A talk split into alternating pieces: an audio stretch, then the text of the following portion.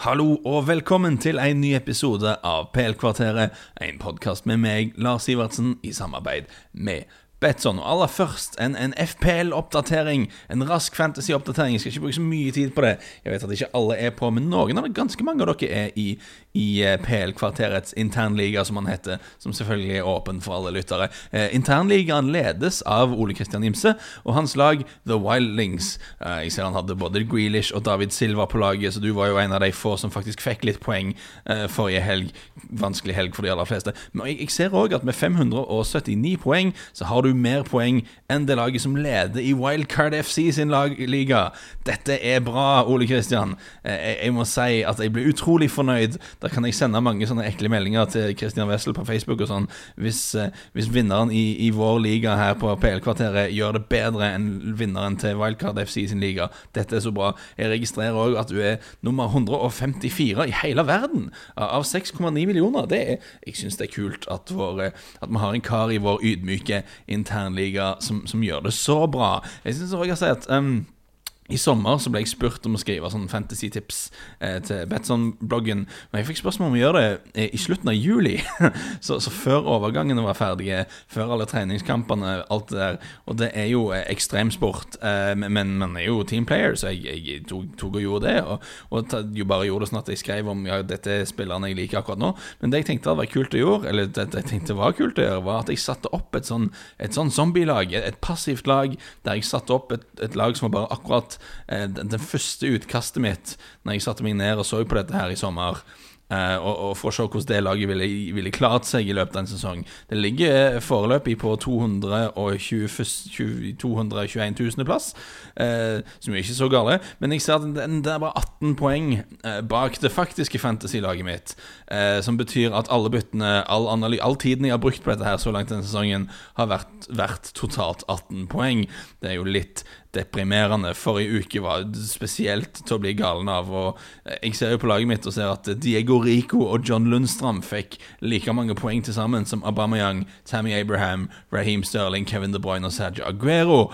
Eh, hva skal man si? Det er ikke godt å bli klok på dette spillet, men meld dere på iallfall i internligaen hvis dere spiller FPL, eh, så vi får enda flere inn der. Eh, det, det, vil bli, det, vil bli, premie til vinneren, eh, og alle som kommer på topp fire, skal få styre, velge et tema til en podkast neste sommer, er planen. Eh, og så er planen òg at eh, Jeg hadde en plan om at sisteplassen At jeg skulle spandere en øl på sisteplassen, men nå hvis du kommer til London, iallfall. Men nå ser jeg det er en fyr som tenker her. altså Vi har en fyr som definitivt har, har gått inn for å tapt. Så vi må ta, ta en sånn internvurdering på om dette er om dette er noe som vi skal godkjenne. Uansett, vi må videre. Bruke tid på dette. Vi har lytterspørsmål fra eh, Torgeir eh, Trappnes, som sendte inn melding på Twitter. Kan gjerne ta en diskusjon om Emery eh, på PL-kvarteret. Mye kan sies om laget, men nå kan man vel begynne å stille spørsmål om Emery. Det var fort en sånn frustrasjonsreaksjon til tapet mot Sheffield United, der man ikke bare tapte mot Sheffield United, men man var, man var ikke spesielt gode mot Sheffield United heller. Jeg si at eh, Selv om de er nye opprykka og ikke har så mange kjente navn på laget sitt, så må jeg si at å dra til Bramall Lane nå, det, det, er ikke kjekt. altså. Jeg tror det er mange gode lag som skal få slite der. De er utrolig godt organiserte. Eh, Chris Wilder har gjort en kanonjobb som coach. Og nevner Alan Nill, assistenten hans. Alan Nill, en, en god venn av meg i, uh, her i England, er Northampton-fan, og der uh, Wilder og hans assistent var tidligere. Og det, det, det er visstnok Alan Nill som er mye av det taktiske geniet bak alt som skjer. Uansett, Arsenal. Um, om Emery. Jeg skrev litt om dette på Betson-bloggen for en stund tilbake siden. Og jeg mistenker at ikke alle leste den artikkelen, uh, så jeg skal ta det opp litt her. Fordi det er et poeng med Emery som jeg syns er litt interessant, og det er at um, det fins egentlig ingen Emery-ball. Altså det er sånn som Sarri-ball og alt dette. Det fins ikke noen Emery-ball. Uh, han har ikke et sånn tydelig uh, prosjekt, da, sånn som uh, for å bruke prosjekt er forferdelig ord. Man har ikke en veldig tydelig spillestil. Han har ikke en veldig tydelig filosofi, sånn som Guardiola har, sånn som Klopp og Pochettino har.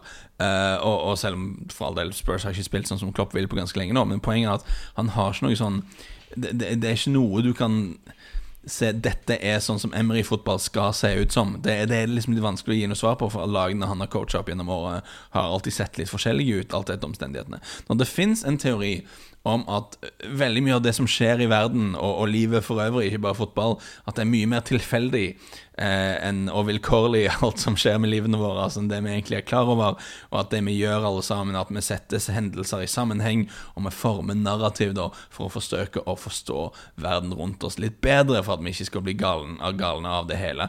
Og, og det, jeg tror det er ganske sant, og jeg tror det er spesielt sant eh, når vi snakker om fotball. Jeg tror både fans og oss i media, vi leter litt etter narrativer, etter storylines vi kan henge oss på, sånn at vi kan Sånn, at vi kan forme en historie av alt det som skjer, mens, mens, resultatene Jeg tror det er mye, mye mer flaks og tilfeldigheter enn det vi egentlig har lyst til å erkjenne. Og av og til gjør det med at vi har en idé i hodet vårt om hvordan et narrativ skal være. Det gjør at vi ignorerer visse ting og blir blenda for andre ting. Uansett, når en manager har et sånn tydelig, og igjen, jeg skal bruke ordet igjen, beklager, prosjekt, når han har en slags idé om, om hvor man er på vei Eh, så tror jeg det har en del fordeler med seg. Altså Med Guardiola i sin første sesong i England eh, City var ikke gode, de hadde flere kamper der de liksom ble feid av banen.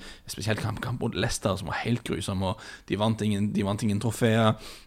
Men alle var liksom innforstått med at det var en del av en prosess, da, at City skulle lære seg eh, å spille fotball på Guardiola-måten. At det var noen spillere som var der som var nødt til å bli, myt, bli mytta ut. At hvis man bare var tålmodige, så ble det bra. Altså Hver kamp føltes som om det var et steg på veien, da, hvis du skjønner hva jeg sier. Og, og det finnes mange andre eksempler på det. Managere som Bielsa, Pochettino og Klopp. Men òg altså, ikke nødvendigvis som sånne folk som spiller eh, høyt press, offensiv, glad fotball. Det samme gjelder òg Sam Aldice og Tony Pulis, for den saks skyld.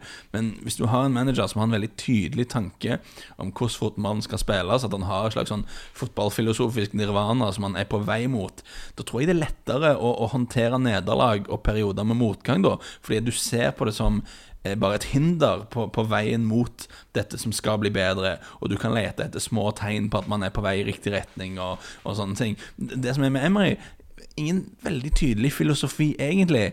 Og, og, når de har negative resultater, det som skjer, er at mye av kritikken går på at hva, hva, er det egentlig de prøver å gjøre, på en måte? Det er alltid det som forvirringen du ser når du leser på, på nett og sånne ting. Når Emery eh, som manager han er veldig opptatt av, av the basics i hermetegn. Han har ikke sånn svulstige tanker om hvordan fotballen skal være, eh, men han er mer opptatt av å prøve å ta ut det laget som han mener er best skikka til å vinne neste kamp. Eh, litt avhengig av hvem de spiller mot, avhengig av hvilke spillere som er i form.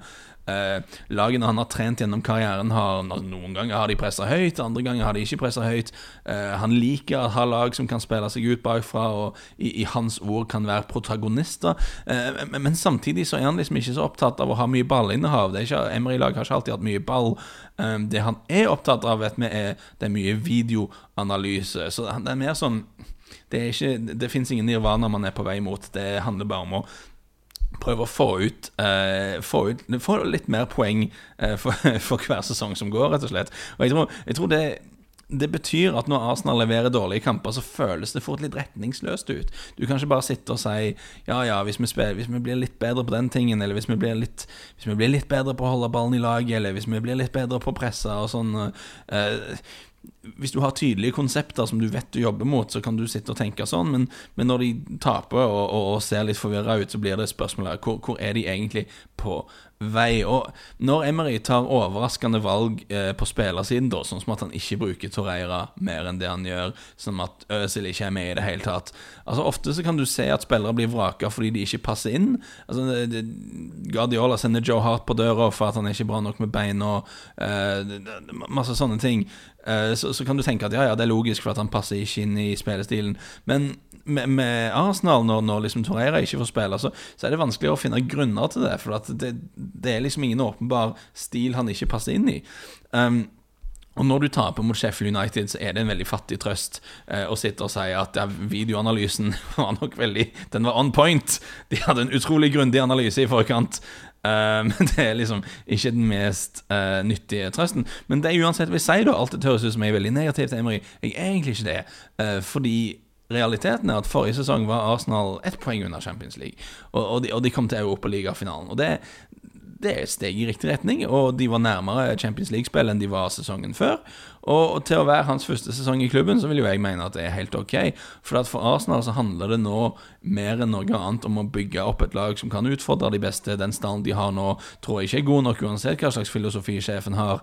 Og da må de enten finne gull blant gråstein på markedet, de må ha unggutter som plutselig tar steget opp, eller mest sannsynlig må de tjene mer penger, sånn at de kan bruke mer penger på spillere. Så å klare Champions League igjen er, er veldig, veldig viktig for det. Nå, ok, Så langt den sesongen Ok, spillemessig har det vært litt iffy, men resultatmessig så er det jo ikke så katastrofe. De er over Tottenham, de er over United. Normalt sett så er det nok det å holde seg foran to av de andre topp seks-lagene, og så får vi se hvor lenge Leicester henger med i toppen denne sesongen. Det vil vise seg. Men, men jeg tror ikke det er så krise, egentlig. og Ok, man kan si at det ikke har vært noen sånn åpenbar sportslig utvikling, men det er kanskje verdt å huske på at du har en del unge spillere der. Willoch har fått spilletid, Saka har fått spilletid, Guendouzi er ennå ung. Uh, Maitland Niles har spilt, han er ikke så ung lenger. Men, og du har uh, Nicola Pepe som er ny, som ikke har helt funnet seg til rette. Det vil sannsynligvis komme. Han, han viste såpass mye i, i, Frankrike at det vil bli overraskende om han ikke uh, blir bedre og bedre utover i sesongen og i framtiden. Du har Tierney som ikke har spilt noe særlig ennå, som ikke har spilt i det hele tatt ennå. Hector Bellerin som er på vei tilbake. Så, så, bare med tanke på at ting skal falle på plass, eh, med, med, tanke på spillere som ikke har vært med og sånn, så det er helt logisk å tro at Arsenal vil være på et bedre sted eh, utover i sesongen, eh, og når ting får satt seg litt. Og OK det med at man òg ikke har en sånn helt spesifikk mal eh, for Emry, det at han er taktisk fleksibel, og at han kan skifte formasjon og variere mellom høyt og lavt press og ballinnehav og ikke ballinnehav, det, det, betyr at Arsenal kan faktisk være litt fleksibel i overgangsmarkedet. da. Eh, for når Liverpool skal ut og hente spillere, så vet alle at Altså alle der vet hva Klopp krever. Du må ha en viss mengde løpskraft, du må ha en viss arbeidsvilje for at det i det hele tatt skal funke. Eh, City vet at du må være på et nivå teknisk og taktisk for at det skal gå med Guardiola.